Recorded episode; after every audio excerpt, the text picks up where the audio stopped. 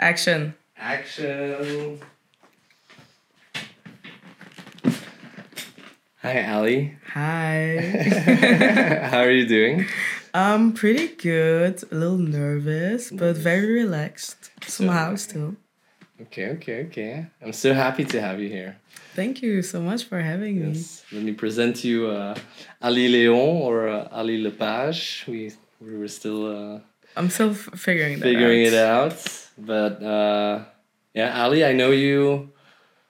How do I know you? From a little bit from partying, I think. Yeah. I remember. I think the first time I saw you was after the one. Like there was only one. I think like a Black Lives Matters. Uh, like Yes. the big uh, protest during Yes. the COVID At, uh, lockdowns. At Place Poelaert. yes. And I think- 20,000 people actually. That was yeah, that was like that left a big uh, impression on me. Really, Mhm. like I was, uh, yeah, moved. I was a bit disappointed that there were not more, more that followed after that. But like, Yeah. well, I'm sure there are more protests, of course. Mhm. like the scale of this and the it was a it was a good vibe there. But I remember that after after that protest, I think we hung out at the same park or something, and then hmm and then there was this thing also with Carlos. Yes, at uh, the Fuse Open Air in uh, Tour and Taxi. also during the lockdowns and Yeah. uh, and that's a funny story actually i think Yes, that was the start of everything actually. yeah. It's true. That is when you, you yeah.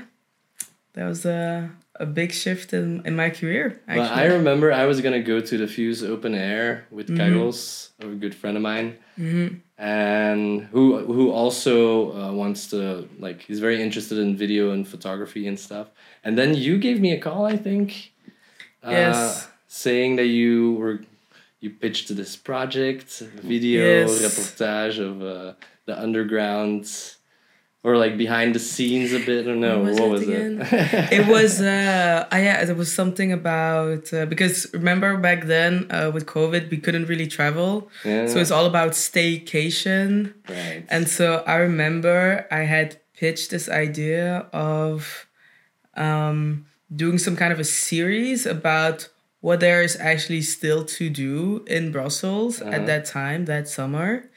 And i pitched that to Bruzz, Mhm. actually the uh, Flemish uh, Brussels media radio, company yeah, or media do company, com- yeah, that do they do radio, magazine, and also Yeah, TV, true. and uh, they loved the idea, and uh, they offered me to go do a test, and I did. you called me I called you. and i was like hey let's just do this all together Yes.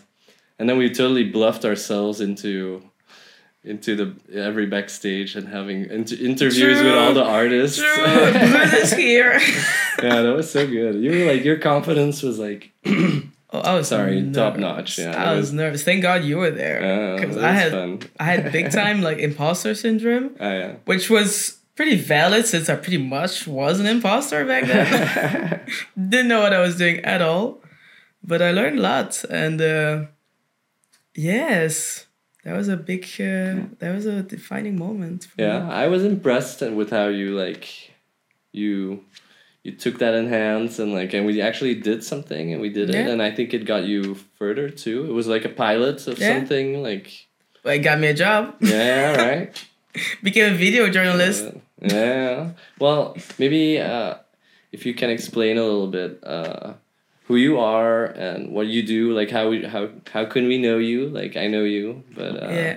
and I know you do um, lots of amazing stuff. With uh, you've done, you've worked for Bruzz, you've worked for Vice, you've worked for Fuse, C12, Paradise City. Do I need to say more impressive things? You know, like the list is pretty long, but then it would sound start sounding obnoxious. and you're still, but you're still so young too. So it's like I'm I'm- like, I'm a year away from thirty. wow, okay, still pretty so young, exactly. pretty young, I'm gonna repeat. Still very young. Yes, so so you. you. had like, I don't know. I'm I'm seeing you go places. So, but like Yeah. for now, where is like who is Aly Lepage, uh, Leon? So, um, Who's Aly? Who is Aly?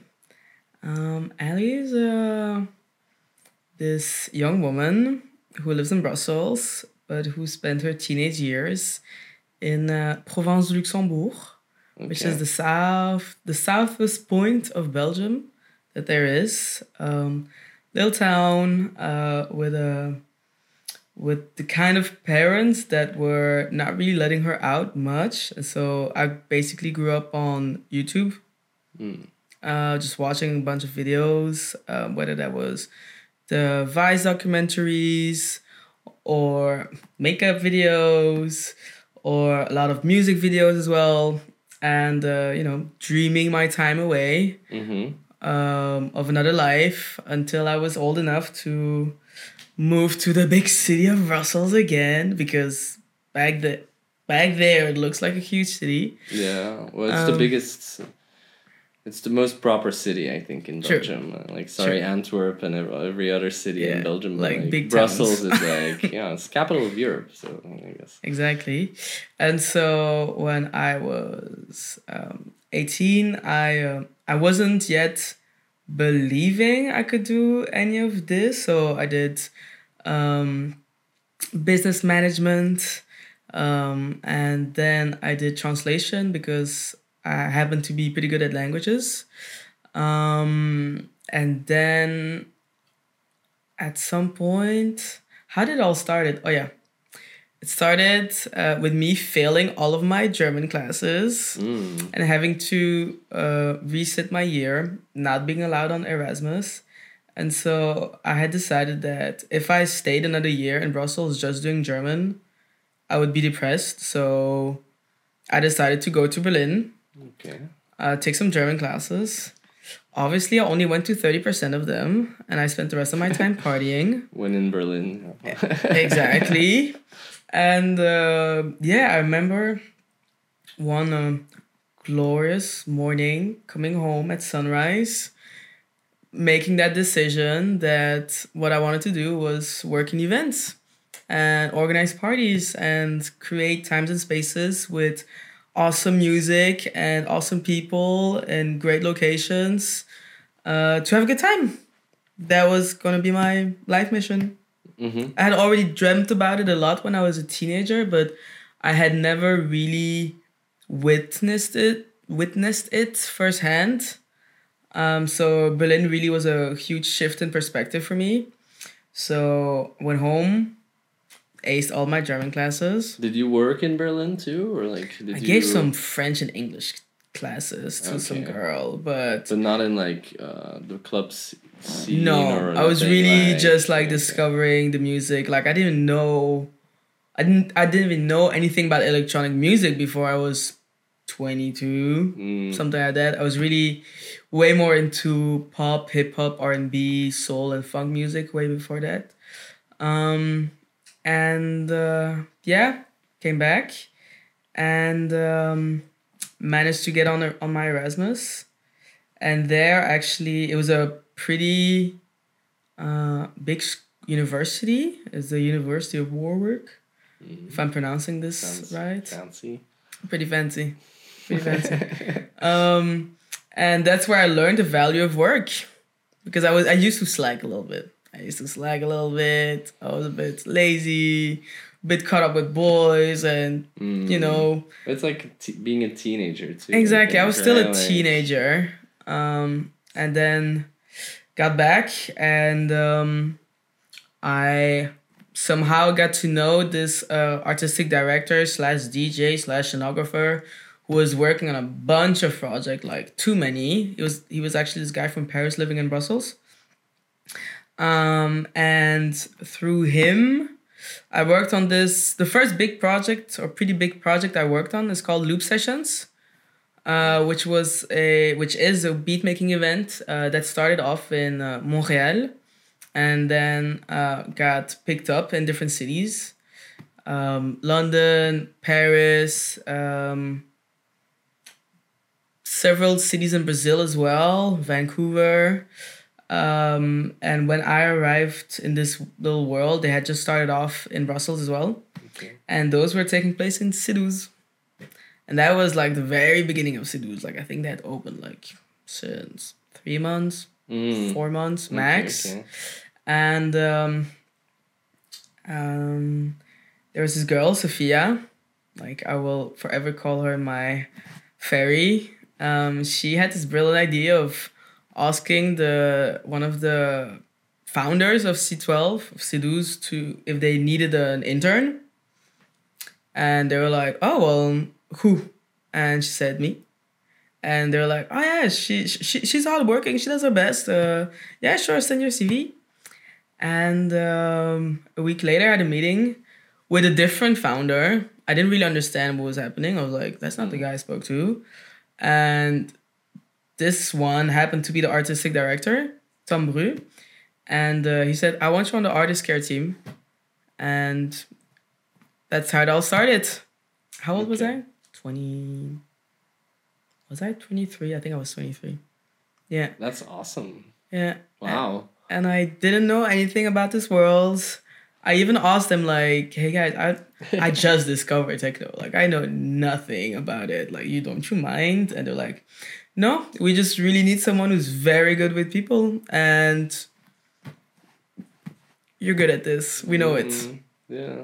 and uh, over time took more and more responsibility um, basically became the right hand of the artistic director slash booker on on the booking side of things and um, and yeah it was a, a hell of a ride like my whole world shifted started discovering a lot of new things met a lot of huge people in the beginning i actually never looked up anyone beforehand Mhm. just because I wanted to stay, how should I put it, unbiased Mhm. and not have any expectations about who I was hosting. Like I wanted to keep on treating everyone like a normal human being. It shouldn't make a difference in the end, I guess. you know, Exactly. like- Exactly. And I remember I did it once, looked someone up beforehand, and it really got me nervous. yeah, yeah. Uh, I think it was Ben Klock or something. I was like, like nine hundred thousand followers on Facebook. Was, like my brain was like, oh, Uh, first time, last time. Um, and yeah, I did that for a long time. Then eventually, obviously, seeing the same four walls every weekend, every week of the year, I was kind of like, uh, I need something else. Plus, there was a lot of pressure as well because I went from nobody to somebody overnight yeah, very young. you know like 23. and uh, exactly like i was surrounded by all these club kids who literally grew up in clubs in brussels and knew Mm. everything about everything and they were super cool and i was kind of shy and um, very intimidated as well by all these big personalities and i think i also had to like grow up my, grow mine up a little bit just to make a make a fighting chance at Mm. not being like um how should i put it um bulldozed by everyone Mhm. um, and yeah, then after this, things went very quickly. I just happened to get to know uh, uh, a girl who eventually became editor in chief at Vice, and um, I, I I was looking for another internship for school as well because in the meantime I had uh, started studying corporate communication and marketing for my masters because I did feel like this can be it. Mm. Like I do need something to rely on for if in 10 years I'm going to be too old or too tired of doing this.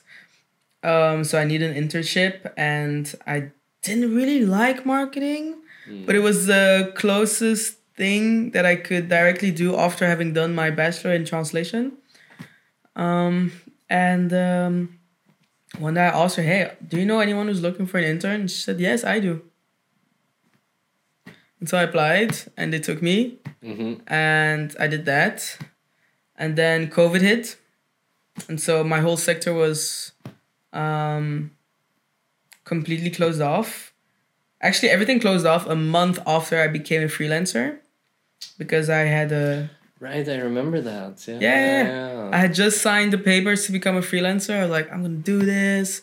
I had met a lot of people. I was going to go to Portugal and New York and everything, and everything shut down. Uh-huh. And so um, I was like, okay, well, if I do nothing, I'm gonna be depressed. so what am I doing? And I figured, well, I've had I have this little experience in journalism. I've even when I was younger, I did write a little bit here and there, just you know, like writing my feelings out, or I did pretty well in school as well, um, like writing text. And so um, I continued doing that. Obviously, I wasn't the best. Um, I really had still a lot to learn. Um, and um, I'm glad that um, my editor in chief back in the days, she really encouraged me to continue writing, but also for other media outlets, just to have different experiences, have different points of views. Um, and that's how, um, at some point, when I pitched her the idea to do this uh, series about a staycation, what is there to do in Brussels during COVID, and she said no. Mm. I remember what she had told me before, and so I went to Bruzz, Yeah. and they liked it. Ah, yeah, totally, yeah. So uh, But it's one of the nicest things too, I think, if you can come up with a concept and then and just sell that for like somebody that's or another company that sees value in it. Yeah. And like it's So- uh, sometimes when you knock at one door and the answer is no, you just knocked at the wrong door and just try the next one. Really, sometimes it's that simple, and uh, and so yeah, um, then we had this whole tryout together with Carlos, Yeah. and you really helped me. And you, I remember you even taught me how to edit on. Uh, That was Premiere Rush. maybe we should like yeah do the so we did end up making a pilot episode for an online uh, reportage uh, about yeah yeah, about, uh, that, the Fuse Open Air, and uh, we we had a quick interview of the artist and who else did we interview so long ago Yeah, I remember. Uh, oh, man, ben, Oh, yeah, we- Ben Nidref yeah benny drev and, and damn, one of them became my buddies also for.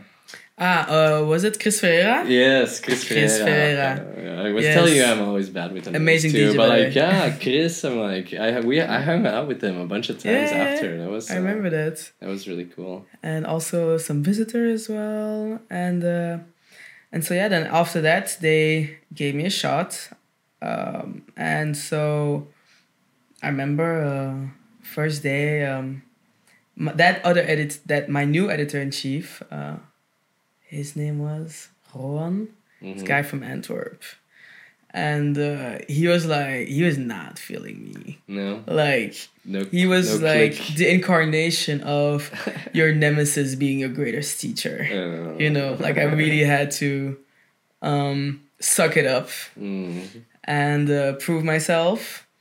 And it was good because he did teach me a lot, like a Mm. lot. And um, I remember my first mission for them was going to the um, park near Tervuren um, about some neighbors complaining that a that a tree got cut off. That was my story of the day. yeah. that was my story of the day. And so like I had to take the um, um ah, how do you call it in English? Entrepied? Statif? Uh, statief, yeah. Yeah. With the camera and the bike, like for 40 minutes all the way there. The tripod, there you go.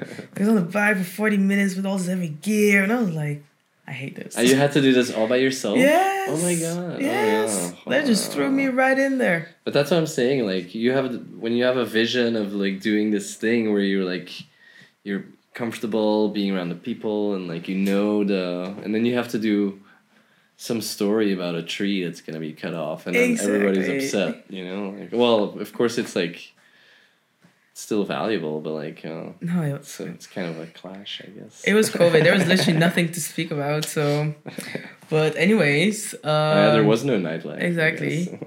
but it was okay because it was a humbling experience and it did motivate me to come up with better stories to tell and i was lucky indeed that i knew enough people uh, from back in the days that i did come up with some cool stuff you know um, and they did give me a ch- they, they did always trust me in the stories i brought um, it they taught me how to script a story how to direct how to film how to edit, um, how to kill my darling. That was uh, uh, one of the greatest lessons as well. Like when you create Mm. something, you have to be able to look at it objectively and Yeah. Just- kill it. Just break it down and go go to the essential. And it's usually better. uh, it's a very intense and visceral experience, but it was good. it's a real world experience too, and Exactly. uh, like more valuable even I think than if you would have went to school uh, and did, did a course uh, Mhm. in like video production or something like the experience that you had there or in journalism i think Mhm. like i think you can learn a lot in those places but then from my experience coming out of both film school and photography school it's like you come out and then like and then you have to start learning because then there's a real world you know like there's no teachers that you can like kind of figure them out too after a while you know? Like you know this one likes this and this one likes this and this is how i have to get it done you know? Like this is how i have to get a passing grade in the end also you Mhm. know? Like it's kind of like it's all assignments but then in the real world you have to Yeah, yeah, getting find a place and you have to make something that's valuable to like other people other other businesses so yeah, and also you know uh, like these thing in the real world, it actually gets online. Yeah You know, it's not, it's not for jokes anymore, and it's also not for free. It's not for a grade. So uh, it's uh, yeah, I had to I had to fight off uh, imposter syndrome a lot. I did a lot of uh, extra hours uh, at home.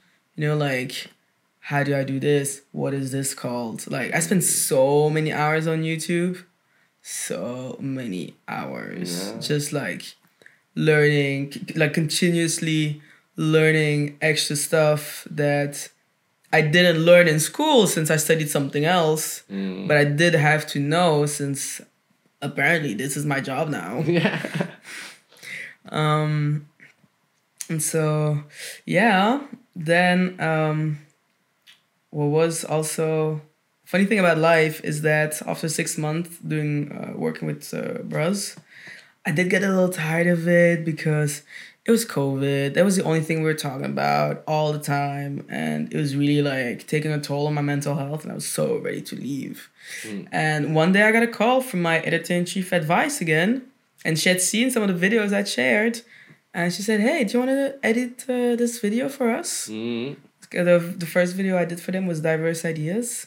It was about um, Muslim feminist women. Uh, that was incredible. That was really really Yeah. nice. I also sounds like a really interesting it's super interesting topic subject.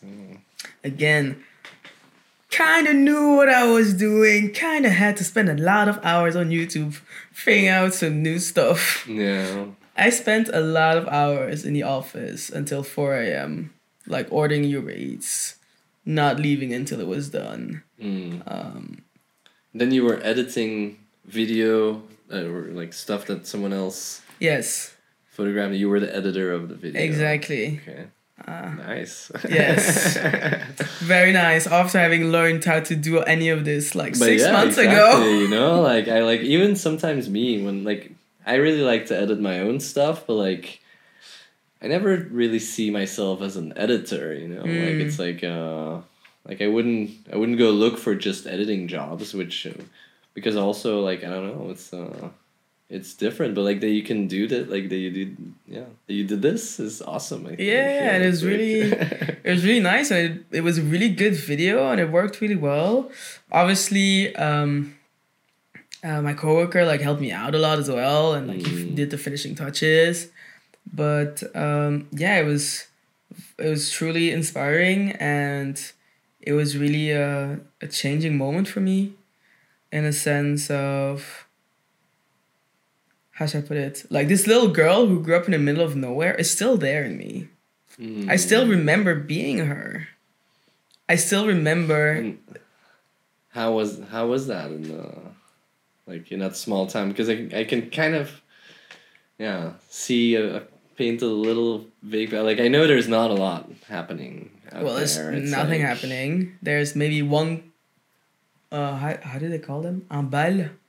like a ball Yeah. once uh, every Yeah, like two months or so. dansant. Yes, it's like it would be like uh, the the kids who were like in last year of high school who would organize Right. a party to to make some money to go on their um, end of studies trip if you want. Mm, yeah. That was basically the only thing. like the Boy Scouts uh, yeah, but party yeah, or something. exact something like, uh, equivalent to that. Yeah. Um, also didn't have that many friends. Like, because I arrived there, I was nine. Hmm. Because I was born in Brussels, my parents moved to Luxembourg for work. So I arrived there, I was nine. I didn't speak French yet. I was still speaking Dutch only.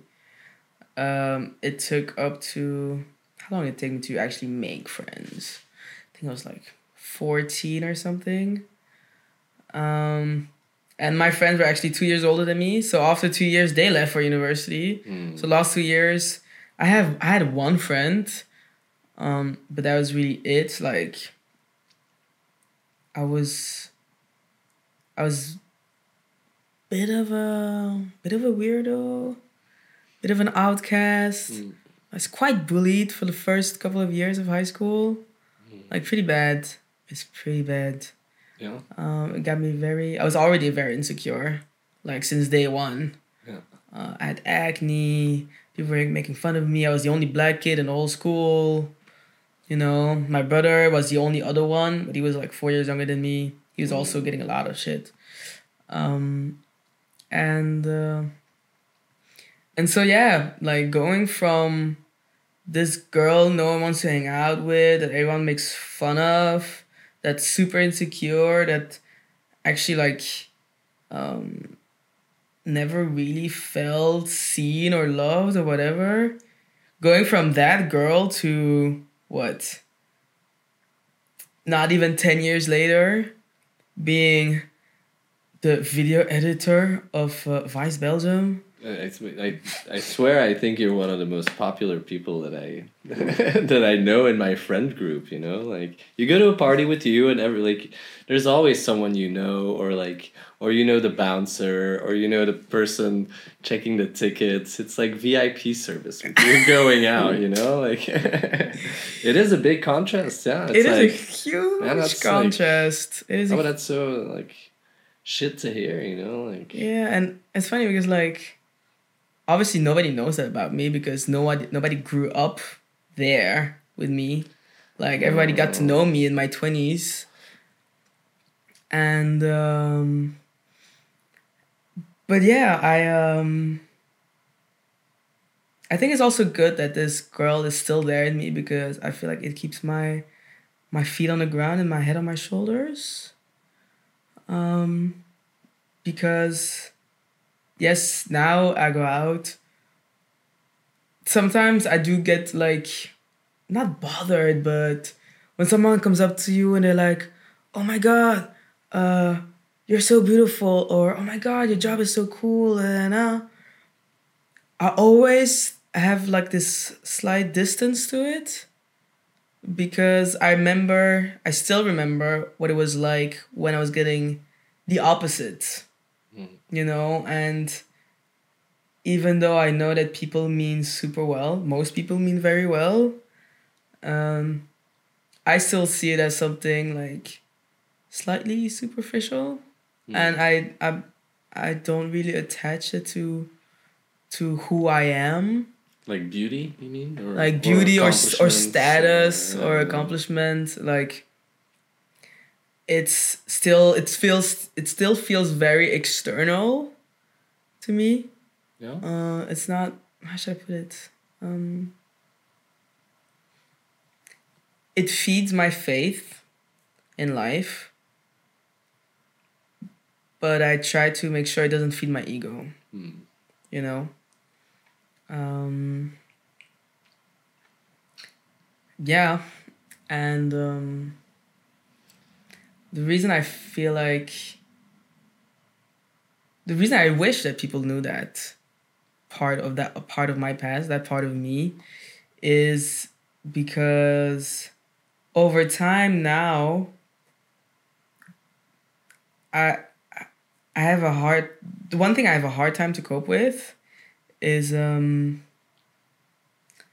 is the opposite of being uh, bullied is being envied which is something that i never expected first of all because like i said like i don't see myself as this aly or alyssa that everyone looks at you know like Mm. I have I have a I have a full I have a full vision of of, of me since day one. Um, but um, where is that going? Well, yeah, you're just doing like you, you know. Like, Yeah, You're not. I'm just I'm just I'm just trying. You know, like how should I put it? I um, I try to seize the day and seize every opportunity that's that's been given to me. I try to I do my best. I try to be a good person. I think that's why, you know, like when you say like you always know someone, this and that, is because I've always made it a point of being kind and nice. You have good vibes, you know. Like Yeah. there's, it's no surprise that somebody gave you a job instantly to take care of like these precious sensitive artists in mm. the in the DJ world, you know, like and you're a good people's person. Like it Yeah. stays with people, so but I also always admire that you like yeah, you have a vision and you do wanna you wanna get somewhere, you know, like you don't wanna just stay where you are Mm. and I really admire that too. Like the whole like yeah, I I try to do the same thing. You know, like stuff comes on your path, and then maybe it's not exactly what you need want to do, like a marketing studies or or or a job at Bruzz maybe that like that has stories that are a bit further from you, but in the end, like there's always opportunities coming from these like Exactly. one step another step and then three steps down the road you know like 50 more people that actually have like their own projects going on or like their Mhm. own dreams and like Yeah, exactly. I feel like every experience, like first of all, brings you experience, brings you something to learn, brings you people to meet, perspectives to hear, um, and also, um, so before I got while I was studying, before I got on my Erasmus, um, I was working a, a um, as a um, receptionist in this headhunters company. Like in the evening, it was really not much to do, just opening doors and re- re- oh, like distributing um, the mail. Really- Mm. There was nothing to do, so I spent a lot of hours watching TED talks. mm, A lot of them. Like I'm talking about hundreds of hours. And uh, the reason I'm mentioning this is because this conversation is reminding two very valuable things I've learned that I've always applied, which was um, the first one is every detour will end up being useful towards your end destination. Like there's actually there, there's no such thing as a detour. Mm. You can you might go where you want to go not as fast as you want to be to go there but you will probably arrive there with a lot more um, knowledge and skills Mm. than if you had gotten everything you wanted straight away Yeah. so that's where And something maybe you didn't even want to go there and like in the first place you know like sometimes you like a lot of the times i think you discover new directions i think I never in, dreamed of it. I uh, never even dared to really think that any of this was possible. You know, I just showed up, and then I was like, "Well, okay, I'll do that." That and also, um, every opportunity is the right person who knows that you can do the right thing. That's really how simple it is. Mm. It's the right person, someone who's in charge of something, or who knows someone who who knows someone that sees what you can do for some for something or for someone or for a project Mhm. and who will be like ah I think also expressing yeah is an important one uh, in there like uh, expressing what you want who you are what you what you want to do you know like yeah that's you want to uh, start a podcast like that's start something I've been saying learning. like That's start something I've been telling people that you're like yeah you're gonna do this and then like yeah definitely and Let's then go yeah, for if it the you right know? pe- people if the right people hear it like Yeah. could you land you somewhere unexpected. Exactly. So and where so this uh, the connection with journalism, that's like almost accidental, or like, or does it come from your YouTube say- binging in? Uh, I would say Luxembourg. that um so I do have like dreams from back from from when I was a teenager. Um, one one of which is writing a book.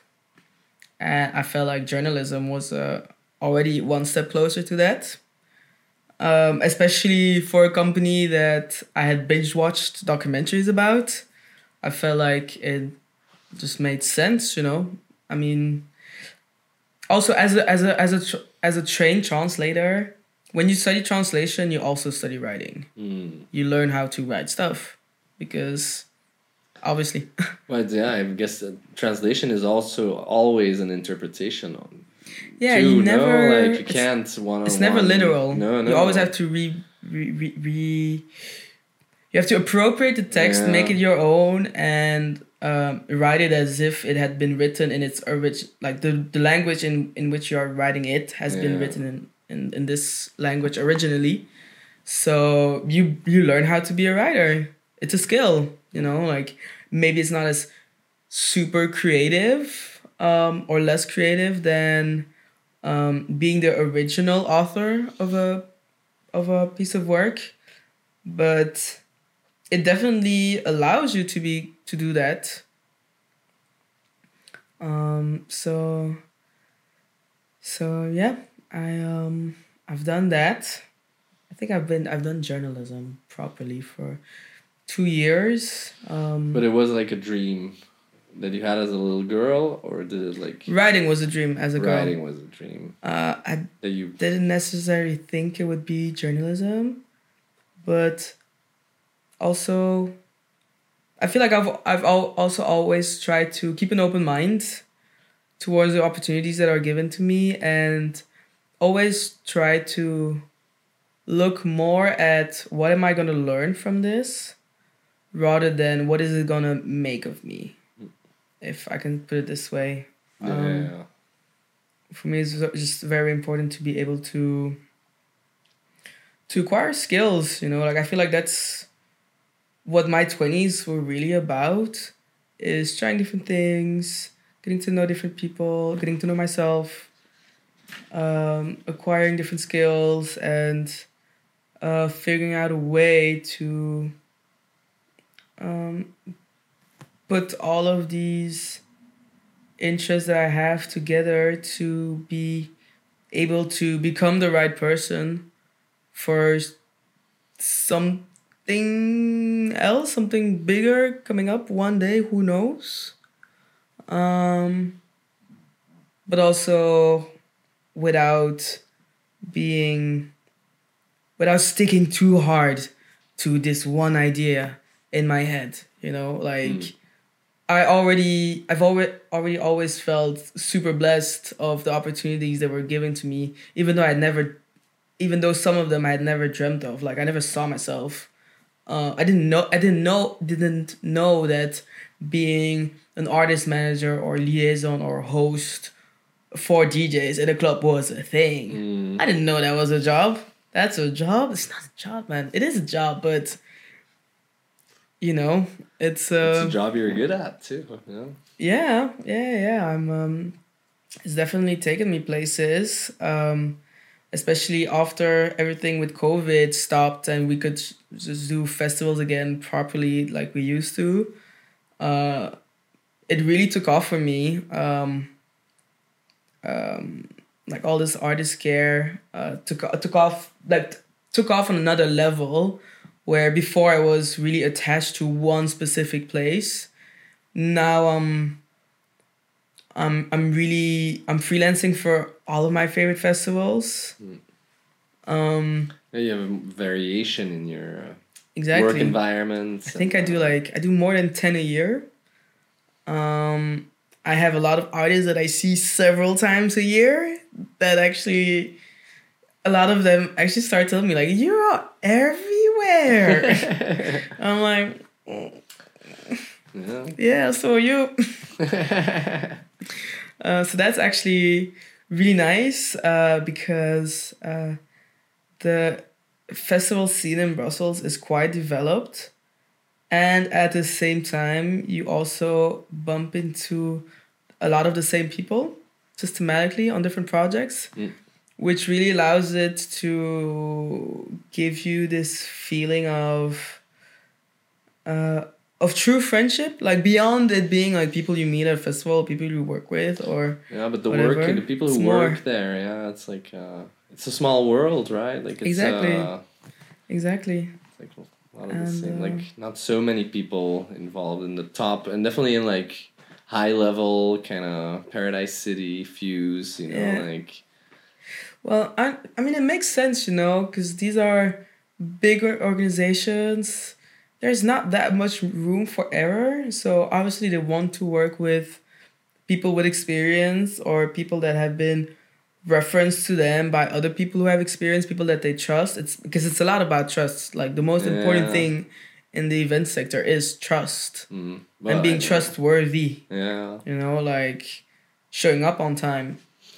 Photography business, video, film business, same thing. You know, like Mm-hmm. it's uh takes it takes you some time to build that trust to like to show that you're not just like you just decided to be a photographer. You know, Mhm. like portfolio and stuff. But yeah, it's very very similar.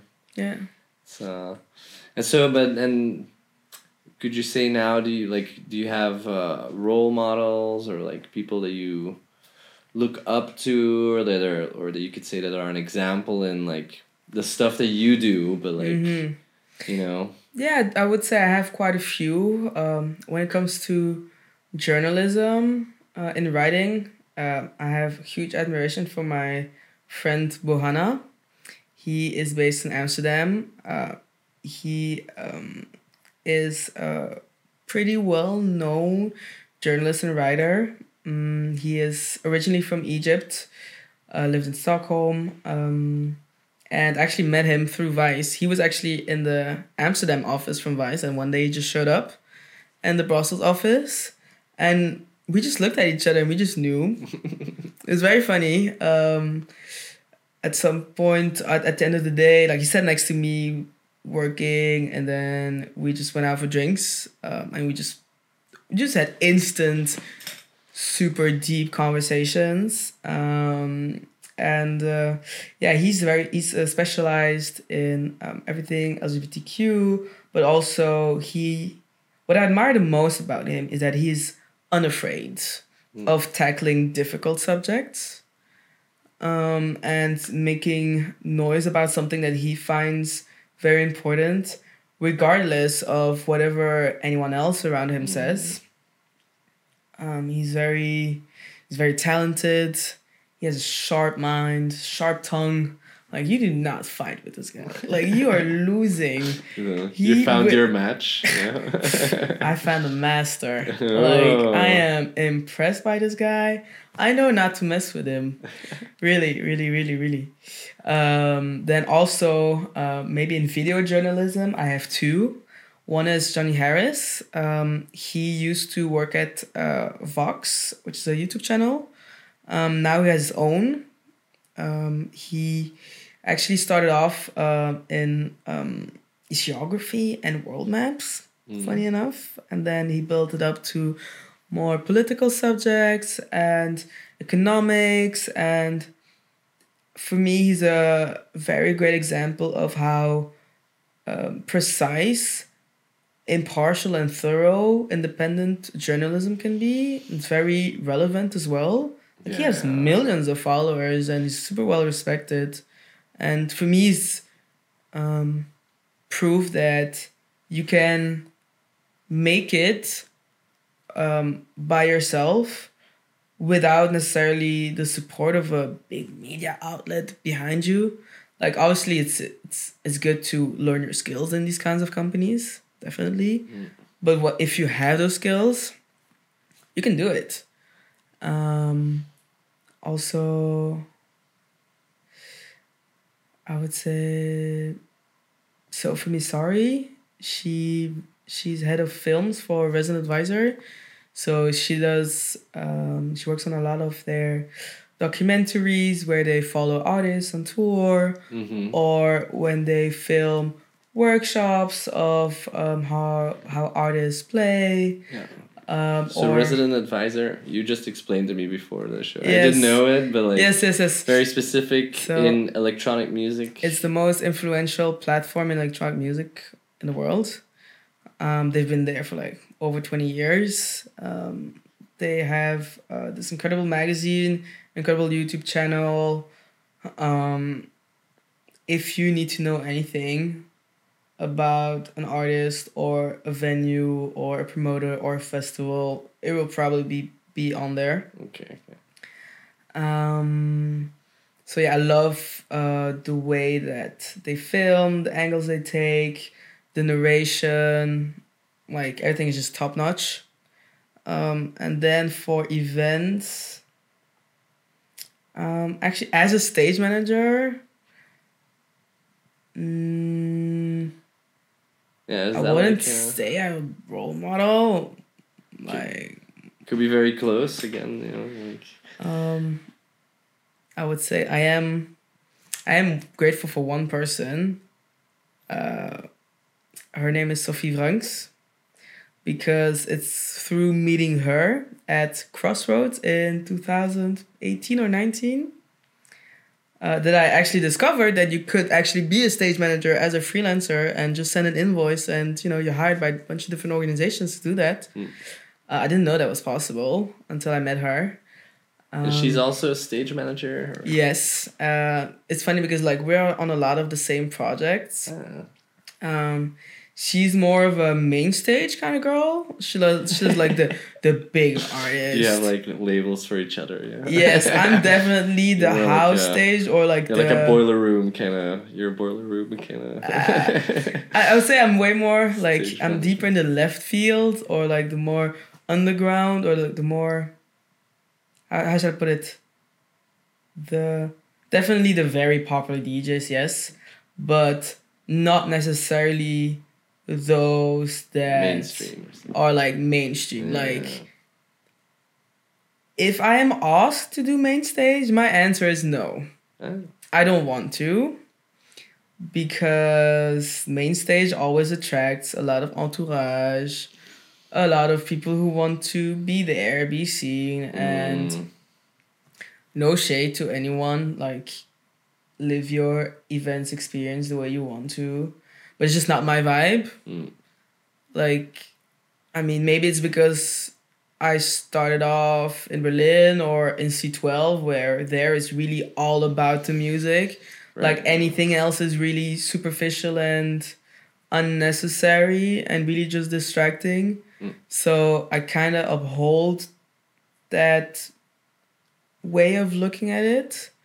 So for me, like even like being on a huge stage where you don't even s- barely see people's faces, I find it too much. Yeah, it's a difference. Like I like it uh, when I have a smaller stage and I can just like go on the dance floor. A bit more intimate, maybe. Very like more, intimate. Um, you can look at like sometimes I'll be on stage serving someone a drink or helping the sound technician like move something around and I will, you know, lock eyes with someone and we'll have a little moment, you know, and I'll be like, oh, I like your style. Or they'll be like, oh, I like your vibe. Or we- we'll be dancing or something. or I'll see someone doing something nice to someone else. And I'll be like, hey, take a beer, man.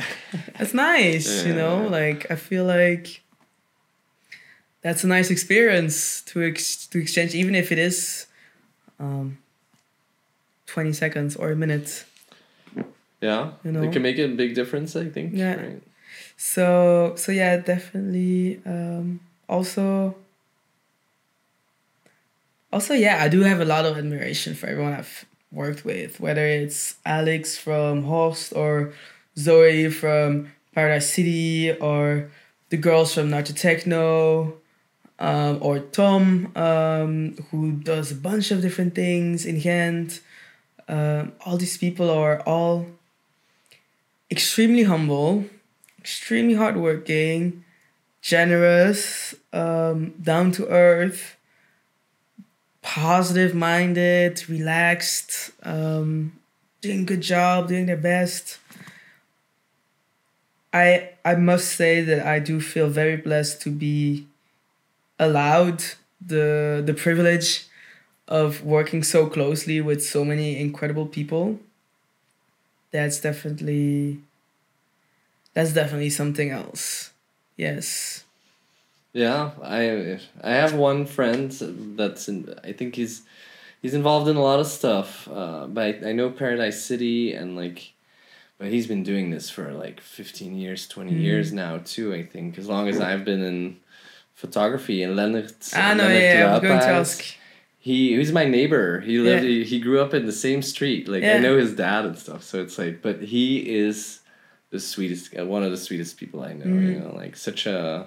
I don't know, but it's still a hard worker, a hustler a Mhm. bit. You know, like but like, good guy. You know, good vibes. Yeah. Like, I could see that ruling that good scene, like the good scenes. You know, like it's always like it's not a generalization, of course, but like we said, it's a small, small world in the end. You know, like you don't have fifty people organizing big events here, like. Uh, Uh, or like like that and that or more or you do I think I think it, it must be around fifty, but I don't think there's like a But, like. But like the core people in the end, Definitely. you know, or like who, who ends up being in management of of uh, Mhm. artists and stuff, you know, like uh, Yeah, it's uh what I really like about it. It says a very, it's especially in Belgium. Like I like the culture. Um, people are. People really value kindness and doing your best and, you know, um, not stressing out about stuff, not blaming other people. We're all here in this together, and if there's an issue, we're here to find a solution that's nice. um, and also also just this ability to believe in it you know like you have an idea and w- you share this idea with other people and we all believe in it and we're all you know gonna come together and do play our part um, make it work. and make it work you know because there are huge risks uh, coming with organizing a festival there are huge responsibilities you know whether lots of money involved. lots of Uh, money lots of security um also you know people trust you with their time and they trust you uh, with giving them a nice experience. And obviously i'm not responsible for the audience but i'm responsible for the person who's playing music for the audience. And if they're having a shitty time then the audience is having a shitty time because an artist who is not in flow or in sync or just in a good vibration um they're not going to be in it and if they're not in it how can it pull anyone else in it? It's not happening you know? So um so yeah it's very it's it's all of this is very subtle and every detail counts. And in the end for me i see it as pure magic. And I just, sometimes i'm tired sometimes i'm tired when it's day four and it's this fourth day that you sleep for only three hours and it's your fourth day of standing on your feet for 15 hours and you always have someone who's like a bit too drunk and who's trying to get in somewhere where they're not supposed to. I was to. gonna say that. Like it's also in an environment where there's like yeah, drunk people, people are like letting go of their yes of their stress and their it's their time to like to relax and to breathe but like then also some people have a hard time like to keeping tr- it within you the, have to treat them like children. That's my approach. It's like, Yeah, yeah. it's like just, i just look at you like a child right now i'm like darling i understand. Yeah. you just want to have a good time but it's fine. But look you can have it over there. Just go over there you know? It's fine you know and i think it's important also to to keep this approach. Like obviously there are times where i couldn't. I'm just too tired. I'm too i'm too hungry. Or some manager or someone you know was really annoying very negative and i just did not have the the strength to keep up my walls and protect myself and like absorb that moment. Mm. um, and then I, I need some time to like let it go, let it go, come back to love, you know. And obviously, yes, if you're if you are not in a good moment, whatever your message is, is if the person in front of you is not is not having it, I don't know how to- that it just can just escalate, you know, and then you have to like, "Ugh, I have to Yeah, know. escalate. But it's all it is all about vibrations. I think you know. I do believe that. Like, Definitely, like, like I joke around a lot, you know, um, like I never have problems because I make sure that I'm in the right state of mind and the right energy and the right frequency, Mm. and then it's contagious. Yeah, It's But contagious. yeah, but when a crowd like that, when the when a DJ or a performer can get that crowd to Exactly. get be all excited at the same Yeah. time is it's like you can just feel it in the air. You know, like Exactly. electricity. and that's what it's really all about, that. you know, and and I feel like that's I feel like that's my favorite part of it. Okay. So that's my favorite part of it. And uh, and sometimes I'm whining and I'm like, oh, I'm gonna quit, and then I'm Yeah. Well, I'll do it again. I'll I keep doing it again because I still love it, you know. Because how is it living? Because this is your job, right? Like this is. Yeah, uh, it's uh it's one of my jobs. Yeah. Definitely. Well, that's what Uh, I was gonna ask. Like, is this something that you could do? Uh, like that you live from from doing just this, or, or do you have to combine a couple of the things that we said? I like- think I think it would be possible to live off of it if I would be willing to also do a lot of stuff I don't want to do and if I was willing to go travel to places I don't want to travel to Mm, and live a more than humble life. Yes. But um I do like a little comfort, so I've always combined it with something else, whether that is working as a casting agent or a PR agent. Um I've always done lots of different things um, during the week also. You've been organizing events too, I've right? also been organizing my own events. Yeah. That's also that's a lot. It's amazing. Yeah. Uh, I love it. Um, But you like the variation also? Like, yes, um, I think I'm the kind of person who cannot do one task or cannot do the same thing every day. I like the versatility. Um, I like like organizing event.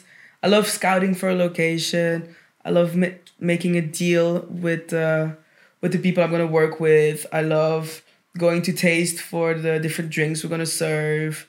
Um, I love um, think about scenography. Where should we put the lights?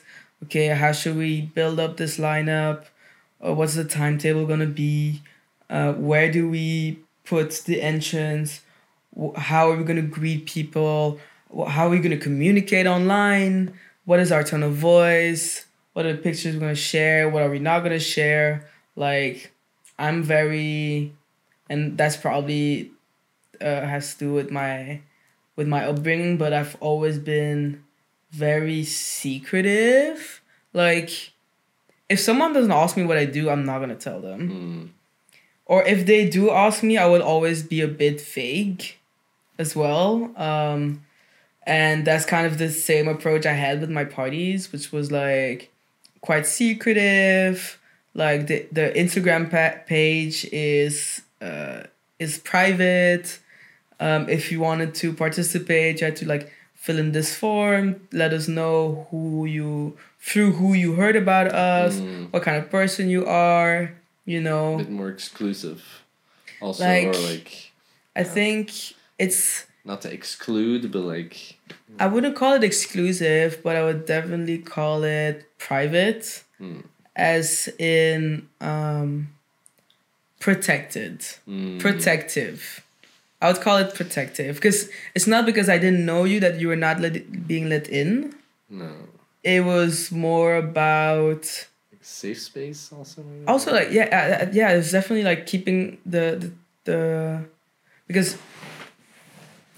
in a party of 100 people or 150 people if you have 30 negative people it's very easy for these people to kill the vibe Mm, you know? Yeah. it's not like if you have 30 people drowned into 3000 loving joyful people you know? And so i feel like um since i like intimate parties my favorite parties are like 200 300 people max. Mm. really. Like if i have to be in a crowd of 10000 people i get a bit anxious Yeah, a little bit It's like that's like a different business too. I think like you know, exactly like, you know that scale. And so that's why I figured if I'm doing 100 people, 150, I really want to make sure that everyone is a little, you know, diamond of joy, Mm, you know, and I, and I, I really believe that birds of the same feather flock together. So that's also why I wanted to know who told you about it and who do you have you told about it because then even though I don't know you, um, if I trust the person that has invited you, I think I, I think I can trust you as Yeah. well. You know, like I remember my first party, I had these two guys I'd never seen before. They looked a bit weird.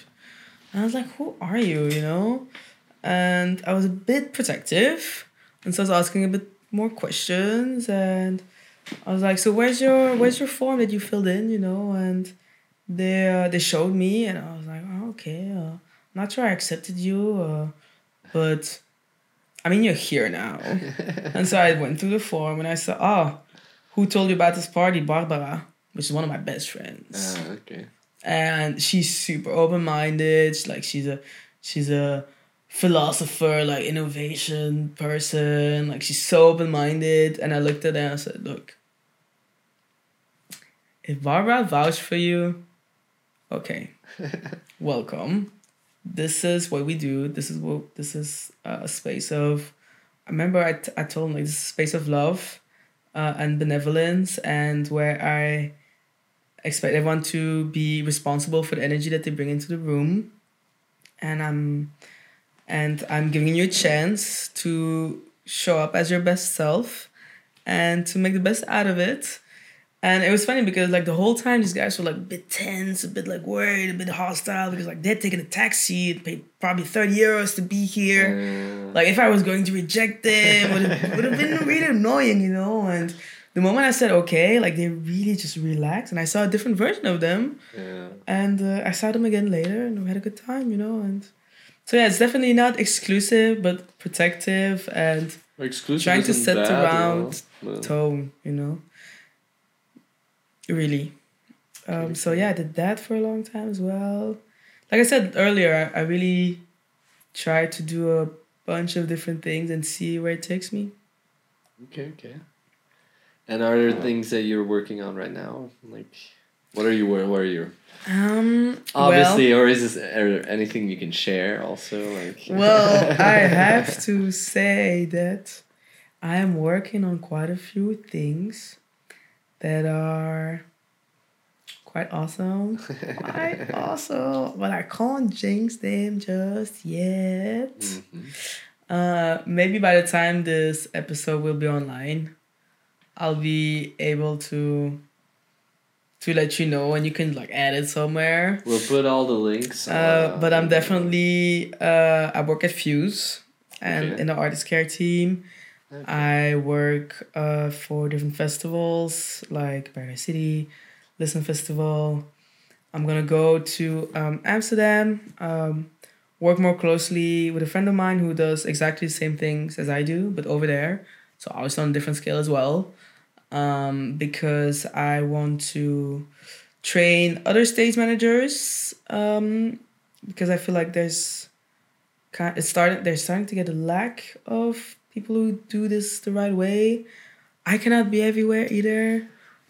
And uh, I Where think can you learn this? Yeah, except for the I the think actual stage, the actual club. Like, where can you? I think learn. it's really I think it's mainly about a how should I put it? I think it's a mindset. I think there's a certain psychology to being a host. Yeah, but like to to to start to go to a club and say, "Hey, I want to do this." Like no, that doesn't work. no, right? Like I mean, I mean, I could. you just got promoted really. into it, you know, like Exactly, by yes. somebody who saw this in Exactly. you, I guess. But like, But that's there's no school, there's no yeah. trainings or. Uh, But that's like- typical. The creative industries is quite gate, like there's. It's not really gate kept, you know. It's not like it's a hard no, but it will definitely be easier if someone vouch for you. That's for sure. That makes it way easier, um, and um, and yeah, I'm uh, I'm more than glad to help others get a chance at trying this out. Um, and also guiding them into, you know, like how to strip off of your insecurities, how to approach someone without ego, being open minded, not making it about you, make it about them. Mm. Um, what questions to ask? Like, my two first questions are always, how do you feel? And what do you want to drink? mm. Simple, you know? Simple. Uh, and, you know, like, make easy conversation with someone, like, be interested in them as a person opposed to as an artist, you Don't know? ask selfies. don't ask selfies stuff like that um, and also you know um, little things little things like introduce yourself if you see someone is having a hard time i don't know like your sound engineer is just in a bad mood because he just had to fix this other thing just bring this guy a beer you know Mm. and be uh, just spread the love. love spread the love stuff like that you know it's very it, it sounds wishy-washy, hippie, hippie, lovey-dovey like, but it really makes a difference. Um, so yeah, so I do that. Um, I also, um, so since I've been studying, but I also work uh, in events, I happen to have taken a lot of time on my master's Mm. Okay, since okay. exams are always uh, at peak time of festival season. Ah, So I've taken a lot of time, um, and so I'm running up my thesis, uh, okay. which which is on um, which is actually on a content aggregation platform about um, that is about um, anything creative, whether that be music or food or um, any sort of art. Um, That's in your marketing studies. yeah, that's in my marketing studies. So I'm writing that up, Okay. and hopefully, uh, while I'm in Amsterdam, I will also meet the right people for that. Um, that'll be nice. This is more of a long term project. Like, I wouldn't say this is gonna come out like tomorrow, but um, it's definitely something I want to do in the long run. Hopefully, something I will be doing uh, once I'll be too old for events. Um, and uh, and I'm working on my father's memoirs Mm, because I never knew him. okay. Uh, so I've been having conversations with my uncles and old friends of his and other journalists who actually knew him. and he was a journalist. Um, no, he was actually um, pretty prominent figure in business and politics in Ivory Coast. Okay. Um, and he had to go back there when I was four, and I grew up without him. Um, and now I feel ready to dive deeper into his story because somehow his story is also mine. And um, and yeah, I feel like that's the book I'm gonna write that I always wanted to write. Mm, wow. Yeah, and uh, Wow, that's super interesting. So then you're talking to people at, in Ivory Coast now? yes, exactly. Oh wow. Exactly. And uh, took me a long time to be ready to do it. But now I am. And uh, and yeah, I would love to get a little writing residency at some at some time to run it up. And um, and yeah, Wow, that's awesome. That's like yeah, I'm glad. really interesting. Yeah, I'm glad. Such a Um, project. I've uh, I had putting writing a little bit on the side because I was always writing about events and music and as much as I love it, I wanted to go deeper, which through the media outlets I was writing for wasn't really possible. Um, and uh, and yeah, these are all the different things I'm working on. Really living the creative life. yeah. Uh, No, it's really nice. It's a very big variation and definitely like the whole book. Like yeah, I'm getting there. wow, yeah, yeah, I'm totally, yeah. And also you have time, you know, like there's no There's like no rush. no, well, Yeah. there's no deadline. Uh, I mean, no one is waiting for it. no, no, you know, that's yeah. the that's that's the nice part. Um, I'm really, I'm really using every single experience I've had or I'm having, as um, as input for uh, the things I want to do. So, uh, so yeah. Okay. And do you have any links with Ivory Coast like be outside of the like for the book now that you're having did you have do you have family there then that you know or or are you I have a now starting or you're starting to know them now or did you already I mean, like I knew them because I've been five years ago. okay Uh, but I was never really close to them. Oh. But the nice part about the nice part about an African family is that it doesn't matter how many years they haven't you haven't spoken to them. Mm. Like you can call them tomorrow, and it will be as if you had been calling them every day. Mm, that's nice So that's very nice. Um, and um, yeah, yeah okay yeah. I'm curious I want to read that book Yeah, it's- it's- it's but you have time yeah I still have have, time, a bunch I of other time. books to to Yeah. read I'm a very bad reader yeah. Um, can't finish a book But it's uh it's, it's not always easy, you know, to be on like a lot of different things at the same time. Because obviously you can either do one thing and give it hundred percent or you can do five things and all give them twenty percent. Um Could you? Could you do No. just one thing? I couldn't either. You know, like It's I'm not a bit the same function. way, and like it's, I do so many things at the same time, and then sometimes I don't finish mhm. projects or I haven't finished projects that I started like years ago. You know, Mhm. like but then I also think you know like just like a little step at a time, and then and then when it's ready, it's ready, and like Exactly. And I mean like it's okay for things to take time. Like my parties, like I've been thinking about them for two years before I did that. Uh this uh this uh this thing I'm doing for my thesis, I've been th- thinking about it for 10 years. Um, this book also for over five years, I've been thinking about this. Like, it's uh, it's really about uh, how should I put it? Uh, following your path, and when it's right, it's right, and then you just go for it. And it doesn't matter when what what age you are. It doesn't matter if you're getting your degree at 30 it doesn't matter if you write your for, first book at 50 none of it really matters in the sense that you have your own timeline and you don't have to abide to anyone else's timeline and just do you really I like that. yeah, that's it for my questions. I think uh, my last question is, what's your message to the listener?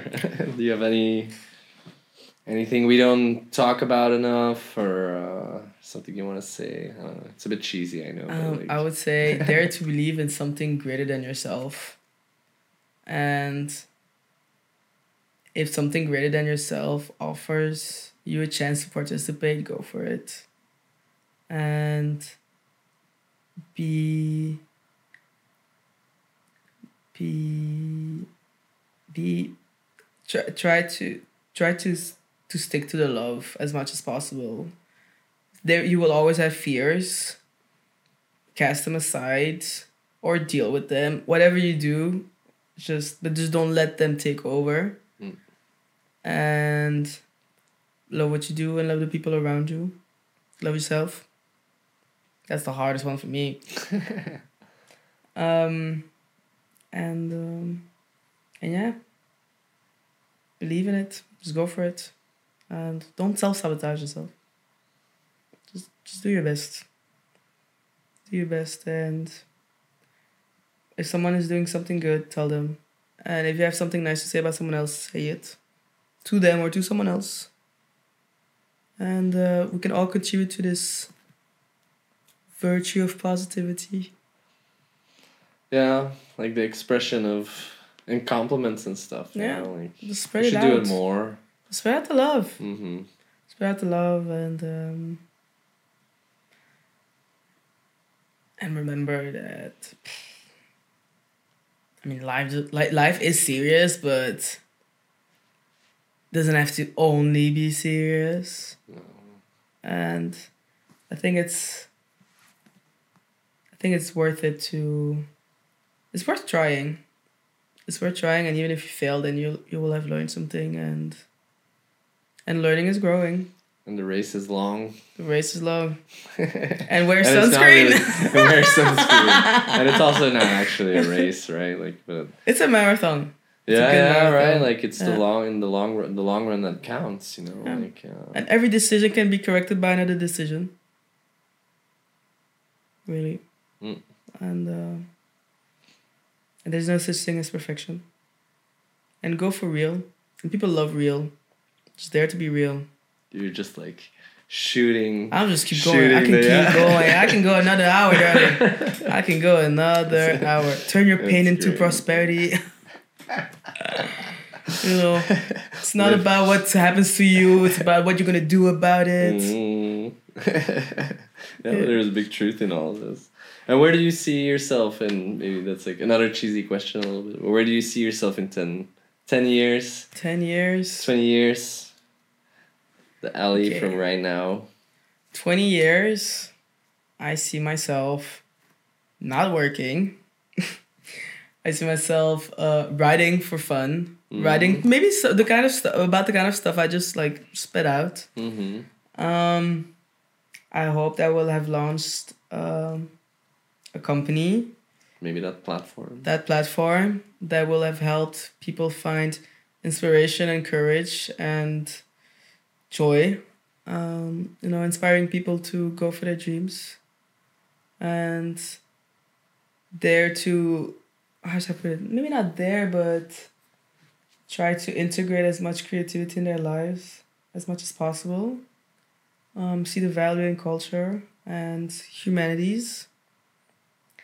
And uh, maybe have one of my books turned into a movie. That would be nice. Mm. That'd be nice.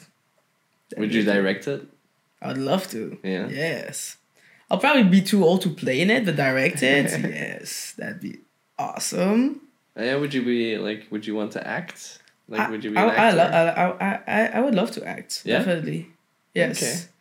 More of an, an action or in a comedy thing than anything else, really. Yeah. I don't really see myself like do some like a thriller or maybe maybe I would. What am I saying? No, no, but Yeah, just the fact fine. that you want to act, be an actor, That'd be or that you would like consider it as like, I don't think that, uh, like, not everybody wants to Yeah. do that, right? Like, we we're all like admiring famous actors, but not everybody. Like, I don't, I don't necessarily want to be an actor. I think, you know. I mean, I would love to like I've thought about it. play in a like, uh, movie, but but without necessarily being famous. That's the thing, though. Like, I want to do things that are creative, but that Mm. unfortunately make you famous without me actually really want to be Mm. famous. I don't mind being a little known, but famous. uh, comes with a with a price. Like, don't a, Like if I'm if I A if I'm in if I if I'm like in the supermarket, in my Yeah. sweatshirt, my hair not done, my makeup not done. I don't want to f- feel worried about someone like trying to take a picture of me. You know, like just let me be a human as Mm. well. You know, um, and yeah, have a beautiful group of friends, maybe a family, have huge dinners at home, mm, spend half of my day cooking. mm. Yeah Oh, yeah, playing a lot of good cook, too. music. That'd be nice. Maybe have a a, a, a- house for artists, you know, where people can come practice creativity or artists can, can come stay over uh, Mm. for the weekend while they have a gig or something. I still want to do lots of stuff. Yeah. Yeah. Will all of it still fit in into the f- 50, 60 years left? We'll see. Yeah, in the end, you have a big catalog of things that you want to do, and then Yeah. you have your vision, which Yeah. is kind of holds all of those together, and then you can see what what people need, Yeah. or what's like where the need is, and then hmm Yeah. I think, believe, um, I believe in you. Thank you. Thank you. Yeah, I um. Yeah, I have nothing to add to this. Nothing Thank you very much for this, believing no? in me. But thank you so much for coming and uh, coming over, talking, sharing Thank you. your your story.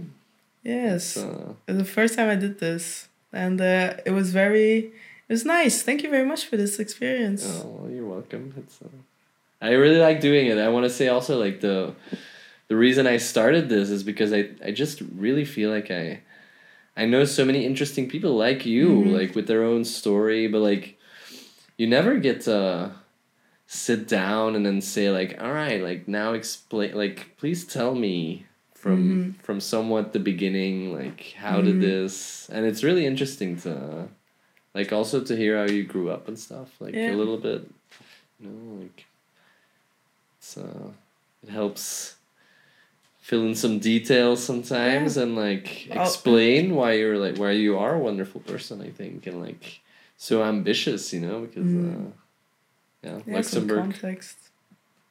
it's not brussels luxembourg provence like pro- Provence. Luxembourg.